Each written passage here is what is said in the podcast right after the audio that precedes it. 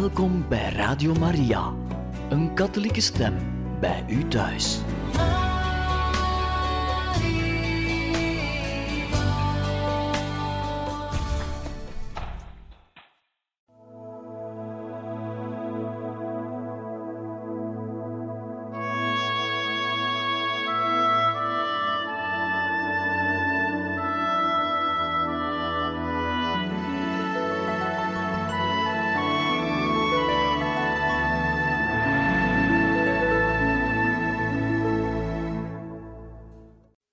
Beste luisteraars van Radio Maria.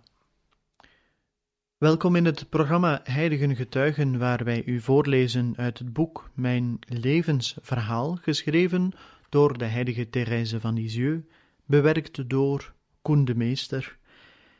Ondertussen waren wij aangekomen aan het hoofdstuk Mijn totale bekering. Een hoofdstuk dat onderdeel is van het eerste autobiografische manuscript dat de heilige Therese schrijft, gericht aan moeder Agnes. En moeder Agnes is haar overste in de karmel waar ze is uh, uiteindelijk ingetreden, en ook haar zus. En ondertussen hadden we al meer vernomen, inderdaad, hoe die totale bekering heeft plaatsgevonden en wat haar innige relatie was met nog een andere zus van haar, Celine. En vandaag leren we daar ook meer over. Celine werd dus de vertrouwelinge van mijn strijd en mijn lijden. Ze nam er aan deel alsof het om haar eigen roeping ging. Van haar kant hoefde ik geen tegenstand te vrezen, maar ik wist niet hoe ik het tegen papa zeggen moest. Hoe moest ik hem, die zojuist zijn drie oudste dochters geofferd had, vertellen dat hij nu ook zijn koninginnetje vaarwel zeggen moest. Hoeveel innerlijke strijd heb ik niet gehad, voor ik de moed had met hem erover te praten. En toch moest ik een beslissing nemen. Ik zou veertien en een half jaar worden. Zes maanden scheiden ons nog van die mooie kerstnacht die ik gekozen had om in te treden, op hetzelfde uur waarop ik het jaar tevoren mijn genade ontvangen had.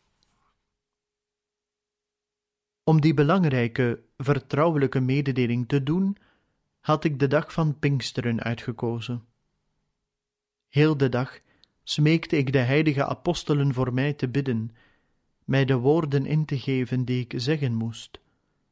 Zij waren immers degenen die het verlegen kind te hulp moesten komen, dat God uitgekozen had om de apostel van de apostelen te worden door gebed en offer. Snamiddags, toen we terugkwamen van de vespers, vond ik pas een gelegenheid met die lieve vader van mij te praten. Hij was op de rand van de regenput gaan zitten, en met gevouwen handen keek hij daar naar de wonderen van de natuur. De zon waarvan de gloed en kracht was afgenomen, gaf de toppen van de hoge bomen een gouden kleur. De vogeltjes zongen er vrolijk hun avondgebed. Over papa's mooie gezicht lag een hemelse uitdrukking. Ik voelde dat zijn hart overspoeld werd door vrede. Zonder iets te zeggen ging ik naast hem zitten. Mijn ogen waren al nat van tranen. Hij keek me vol tederheid aan, pakte mijn hoofd vast en drukte het tegen zijn hart terwijl hij zei: Wat is er, koninginnetje van mij? Zeg het me eens. Toen stond hij op, alsof hij zijn eigen emoties wilde verbergen, en hij begon langzaam te lopen, met nog altijd mijn hoofd op zijn hart. Door mijn tranen heen vertrouwde ik hem toe dat ik ernaar verlangde in te treden in de karmel. Zijn tranen mengden zich met de mijne, maar hij zei geen woord om mij van mijn roeping af te brengen.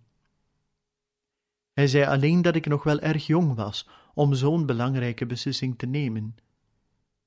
Maar ik verdedigde mijn zaak zo goed dat papa met zijn eenvoudige en rechtschapen natuur al gauw ervan overtuigd was dat mijn verlangen dat van God zelf was. In zijn diepe geloof riep hij uit dat de goede God hem een grote eer deed op deze wijze zijn kinderen te vragen. Onze wandeling duurde lang. Mijn hart was opgelucht vanwege de goedheid waarmee mijn onvergelijkelijke vader mijn vertrouwelijke mededelingen had ontvangen, en het stortte zich zachtjes uit in zijn hart. Het leek alsof papa genoot van die rustige vreugde die het volbrachte offer nalaat.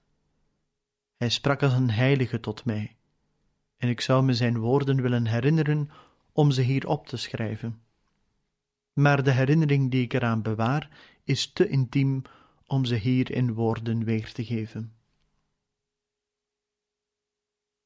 Ik herinner me nog heel goed de symbolische handeling die mijn lieve koning stelde zonder het te weten. Hij liet me kleine witte bloemetjes zien, die veel lijken op miniatuurlelies. Hij nam een zo'n bloempje en gaf me het, terwijl hij uitlegde met hoeveel zorg de goede God het geboren had, doen worden en het bewaard had tot deze dag. Toen ik hem zo hoorde praten, leek het alsof ik mijn eigen geschiedenis aanhoorde. Zoveel overeenkomst was er tussen wat Jezus voor het bloempje gedaan had en voor de kleine Therese. Ik nam het kleine bloempje als een reliquie aan. Ik zag dat papa, toen hij het bloempje wilde plukken, al de worteltjes mee uitgetrokken had zonder ze te breken. Het bloempje leek voorbestemd te zijn om verder te leven in andere aarde, aarde die nog vruchtbaarder is dan het zachte mos waar haar eerste ochtenden verstreken waren. Datzelfde had papa zojuist voor mij gedaan, door mij toe te staan de Karmelberg te bestijgen en het zoete dal te verlaten dat getuige geweest was van mijn eerste stappen in de wereld. Mijn kleine witte bloempje legde ik in mijn navolging bij het hoofdstuk dat heet dat Jezus boven alles bemind moet worden. En daar ligt het nu nog steeds. Alleen is het steeltje vlak bij de wortel gebroken. Het lijkt wel of de goede God daarmee zeggen wil dat hij de boeien van zijn bloempje gauw zal breken en haar niet zal laten verwelken op aarde. Toen ik papa's toestemming gekregen had, dacht ik dat ik zonder problemen weg zou kunnen snellen naar de karmel, maar heel wat smartelijke beproevingen zouden mijn roeping nog op de proef stellen. Bibberend vertrouwde ik aan mijn oom toe welke beslissing ik genomen had. Hij overlaadde me met alle mogelijke blijken van tederheid, maar gaf me geen toestemming te vertrekken. Integendeel, hij verbood me tegen hem over mijn roeping te praten voordat ik zeventien was. Het ging tegen de menselijke omzichtigheid in, zo zei hij, om een kind van vijftien jaar in te laten treden in de karmel. Het leven van een karmelites was in de ogen van de wereld het leven van een filosoof, en het zou de godsdienst geen goed doen een kind zonder levenservaring dat leven te laten omhelzen. Iedereen zou erover kletsen, enzovoort, enzovoort. Hij zei zelfs dat er een wonder nodig was om mij te laten vertrekken. Ik zag wel in dat verder redeneren zinloos was, en ik trok me terug. Mijn hart was in de diepste bitterheid ondergedompeld. Mijn enige troost was het gebed.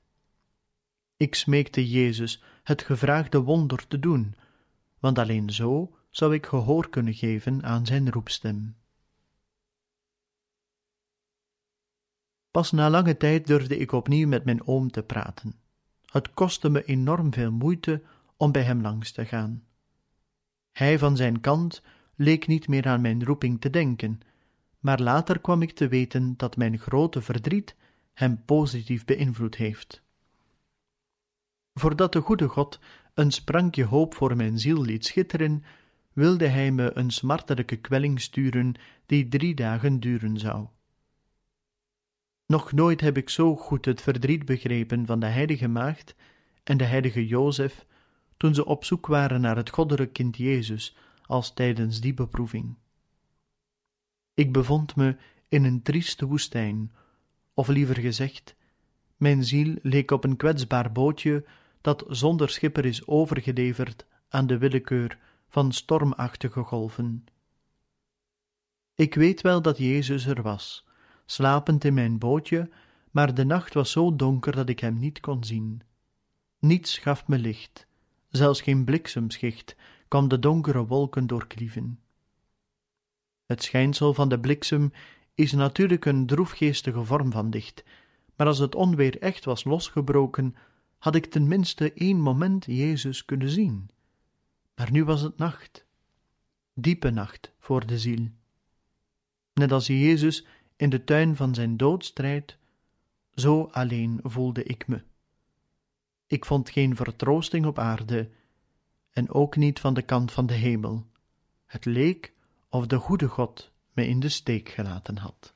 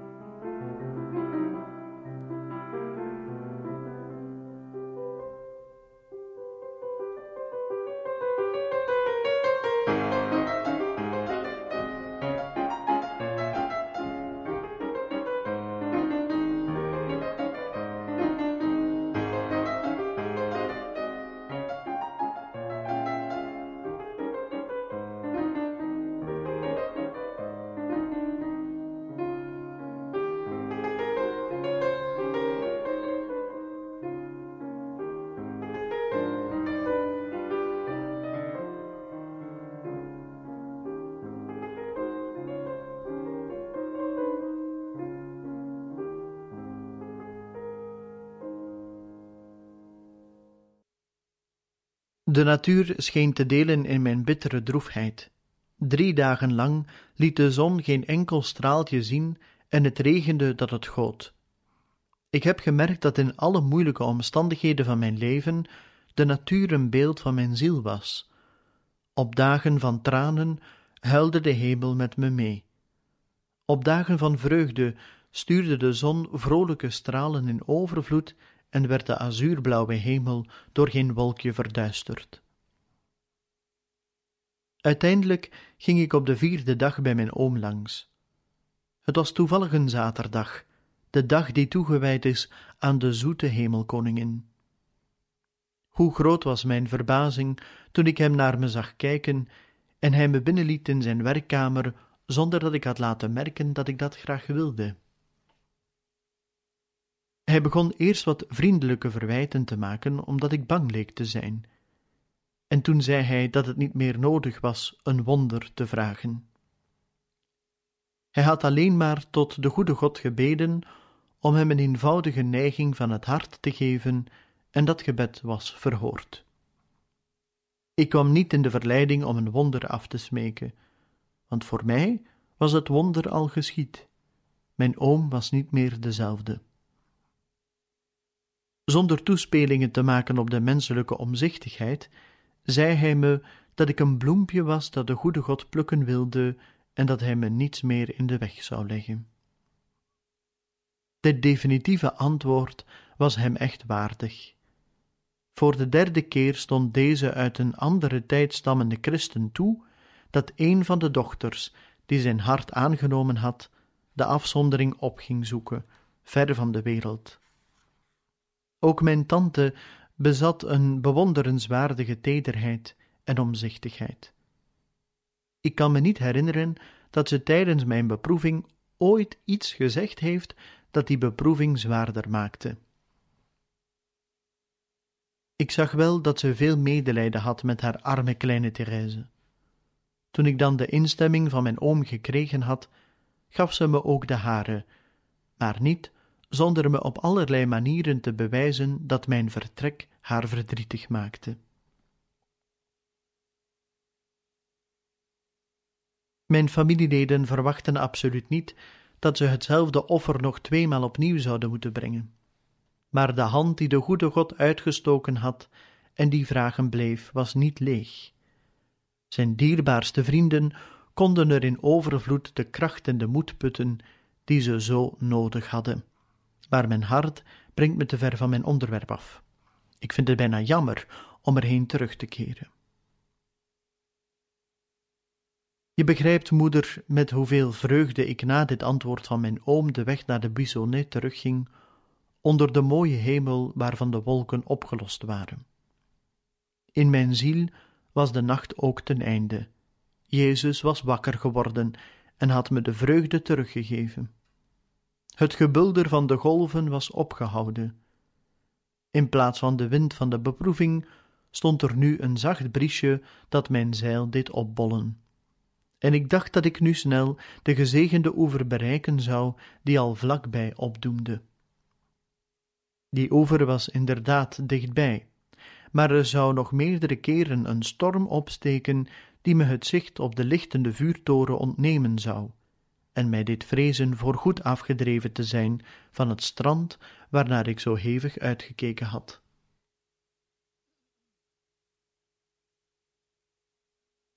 Een paar dagen nadat ik de toestemming van mijn oom gekregen had, ging ik jou opzoeken, moeder, en ik zei je hoe blij ik was dat al mijn beproevingen nu ten einde waren. Maar hoe groot was mijn verbazing en mijn verdriet toen ik je hoorde zeggen dat meneer de rector niet zou instemmen met mijn intrede voor ik 21 zou zijn. Niemand had gedacht aan deze tegenstand, die van alle tegenstand het moeilijkst te overwinnen was. Maar zonder de moed te verliezen ging ik zelf, samen met papa en Céline, bij de rector langs. Ik wilde hem raken door hem te laten zien dat ik wel degelijk roeping voor de karmel had. Hij ontving ons erg koeltjes. Die onvergelijkelijke vader van mij kon er met mij op aandringen wat hij wilde, niets kon het standpunt van de rector veranderen. Hij zei me dat er geen gevaar in lag als ik thuis bleef. Thuis kon ik ook leven als een karmelites. En als ik de geesel niet gebruikte, was nog niet meteen alles verloren, enzovoort, enzovoort. Uiteindelijk voegde hij er nog aan toe dat hij slechts de afgevaardigde van de bisschop was, en als de bisschop me in wilde laten treden in de karmel, dan had hij er niets meer over te zeggen. In tranen verliet ik de pastorie. Gelukkig was mijn gezicht verborgen onder de paraplu, want het regende dat het goot. Papa wist niet hoe hij me troosten moest. Hij beloofde dat hij me, zodra ik dat wilde, naar Bayeux zou brengen, want ik was vastbesloten mijn doel te bereiken. Ik zei zelfs dat ik tot de Heilige Vader zou gaan als de bisschop mij niet op mijn vijftiende in wilde laten treden in de karmel. Er speelde zich nog van alles af voor mijn reis naar Bayeux. Aan de buitenkant leek mijn leven nog hetzelfde. Ik studeerde, nam tekenlessen samen met Céline en mijn bekwame lerares vond dat ik veel aandacht had voor haar kunst. Maar vooral mijn liefde voor God nam toe. Ik voelde verlangens in mijn hart die ik tot dan toe nog niet gekend had. Soms was ik echt in liefdesvervoering. Op een avond wist ik niet meer hoe ik Jezus zeggen kon dat ik van hem hield, en hoezeer ik verlangde dat hij overal bemind en verheerlijkt zou worden. Ik dacht met pijn dat hij vanuit de hel nooit één akte van liefde ontvangen zou, en ik zei tegen de goede God dat ik, om hem plezier te doen, ermee in zou stemmen naar de hel te gaan, zodat hij in die plaats van godslastering eeuwig bemind zou worden. Ik wist dat zoiets hem niet verheerlijken zou, omdat Hij immers alleen ons geluk verlangt. Maar als je lief hebt, zeg je zoveel gekke dingen. Dat ik zo praatte, was niet omdat ik niet verlangde naar de hemel, maar mijn eigen hemel was toen niets anders dan de liefde. En ik voelde, net als de heilige Paulus, dat niets mij zou kunnen scheiden van het goddelijk doel dat mij in verrukking gebracht had.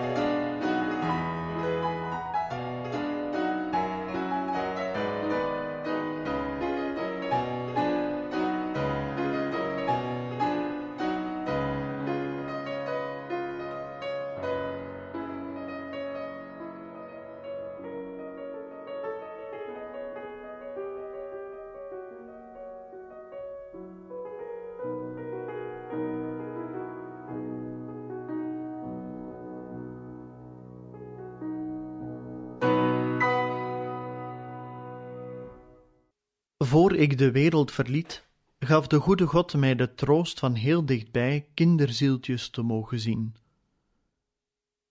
Omdat ik de jongste was, had ik nooit dat geluk gekend. Dit zijn de droevige omstandigheden die daarvoor zorgden. Een arme vrouw, een verwante van ons dienstmeisje, stierf in de bloei van haar leven en liet drie heel kleine kinderen achter.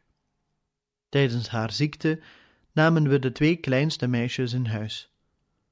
De oudste daarvan was nog geen zes. Ik trok de hele dag met ze op en het was een grote vreugde voor me om te zien met welke onschuld ze alles geloofden wat ik hun zei. Het heilig doopsel moet in de zielen wel een heel diepe kiem leggen voor de theologale deugden, omdat die al in de kinderjaren zichtbaar zijn, en omdat de hoop op het toekomstige geluk al genoeg is om offers te kunnen aanvaarden. Als ik graag wilde dat mijn twee meisjes vergevingsgezind voor elkaar waren, beloofde ik geen speelgoed of snoepjes aan degene die toegeven zou aan haar zusje, maar ik sprak hen over de eeuwige beloning die de kleine Jezus in de hemel geven zou aan zoete kinderen. De oudste, haar verstand begon zich al te ontwikkelen, keek me met stralende ogen van vreugde aan. Ze stelde me een heleboel ontroerend lieve vragen over de kleine Jezus en zijn mooie hemel. En ze beloofde met enthousiasme dat zij altijd toe zou geven aan haar zusje.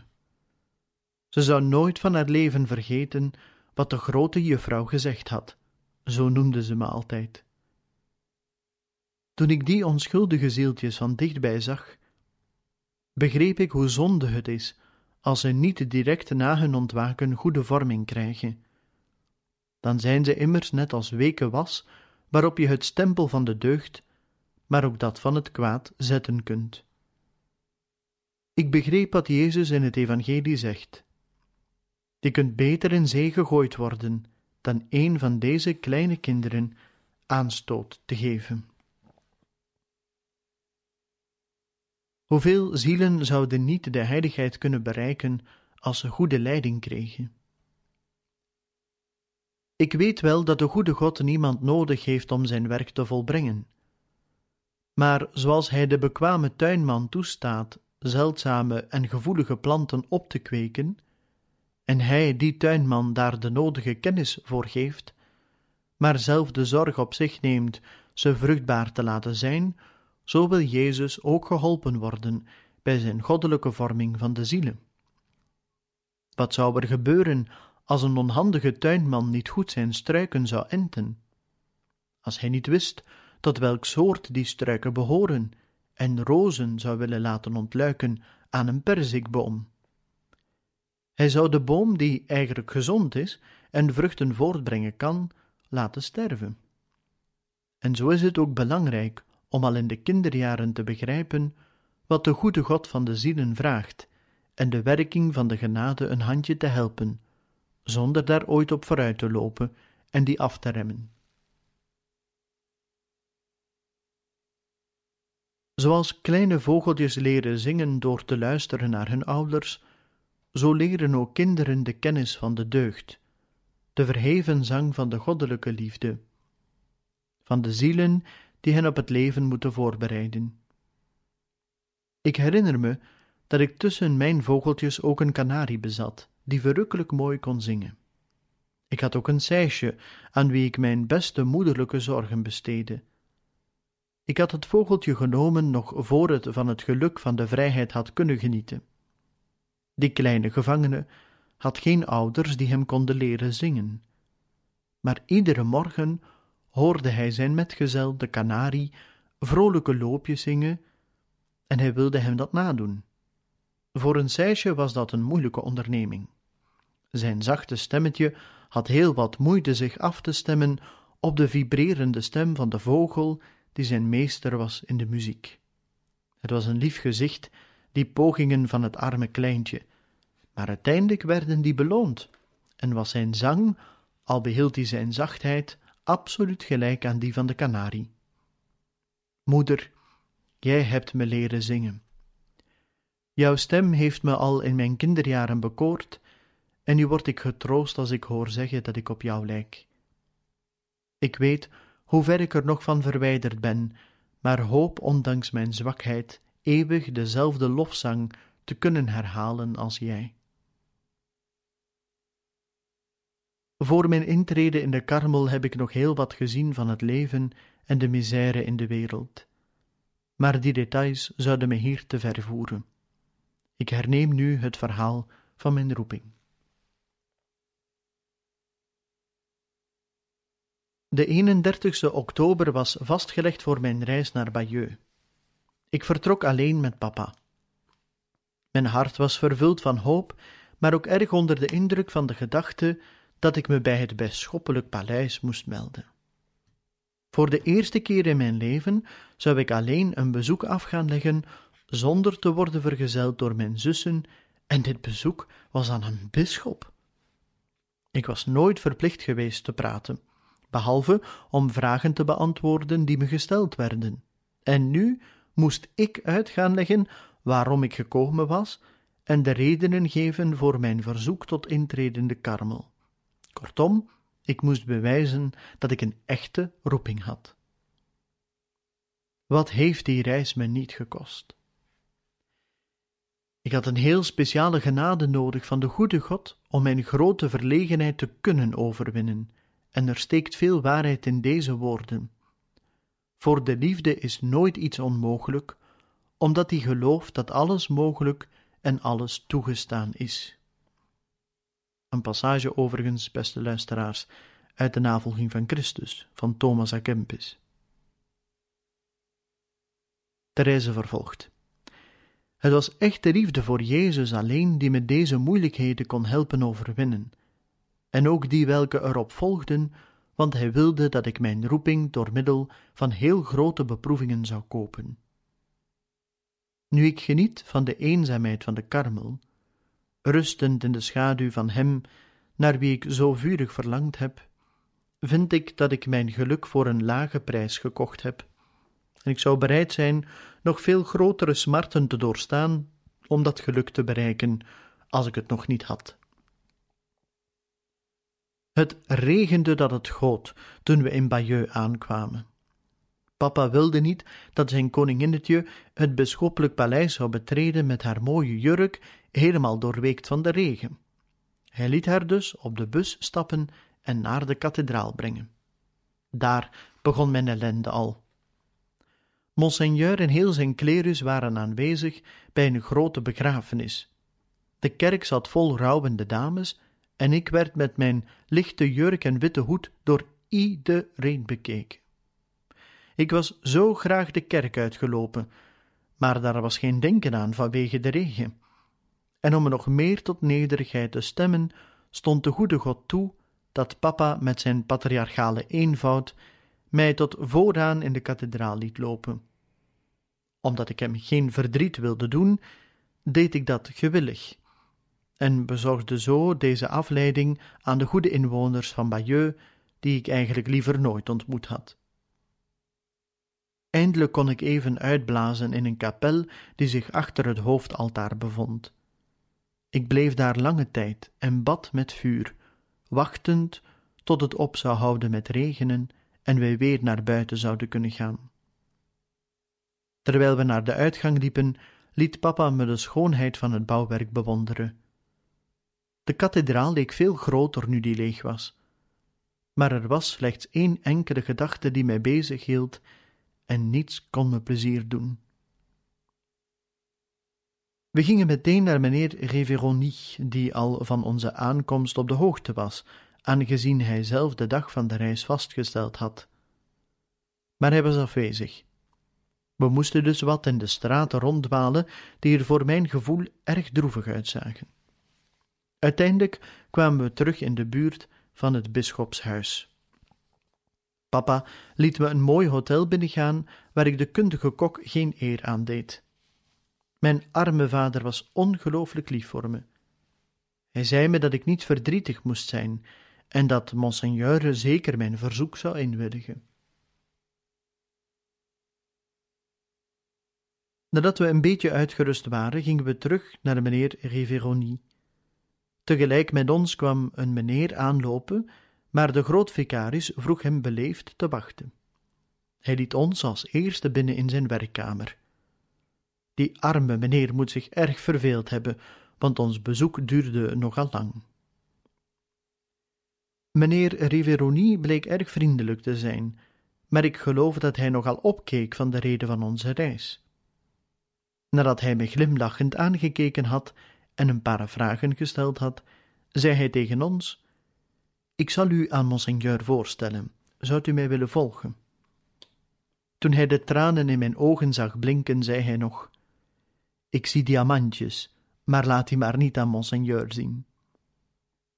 Hij liet ons een aantal grote vertrekken doorlopen, die vol hingen met portretten van bisschop. Toen ik mezelf in die grote ontvangstzalen zag, vond ik mezelf maar een kleine mier, en ik vroeg me af wat ik tegen monseigneur zou durven zeggen. Hij liep in een gang te wandelen tussen twee priesters in. Ik zag dat meneer Riveroni iets tegen hem zei en samen met hem terugkwam. We wachten op hem in zijn werkkamer. Er stonden drie enorme fauteuils voor de schoorsteen waarin een groot vuur knapperde. En zo, beste luisteraars, zijn we aan het einde gekomen van deze aflevering van het programma Heiligen Getuigen, waar wij voorlezen in het boek Mijn levensverhaal, geschreven door de heilige Thérèse van Lisieux, bewerkt door Koen de Meester. En een volgende keer gaan we verder en zullen we dus meer weten over die ontmoeting tussen de bisschop, Monseigneur Hugonin, en de heilige Thérèse van Lisieux. Zal ze de bisschop kunnen overtuigen dat ze klaar is om in de karmel in te treden? U hoort het een volgende keer. En dan dank ik u van harte voor uw luisterend oor en hoop ik dat u er een volgende keer kan bij zijn.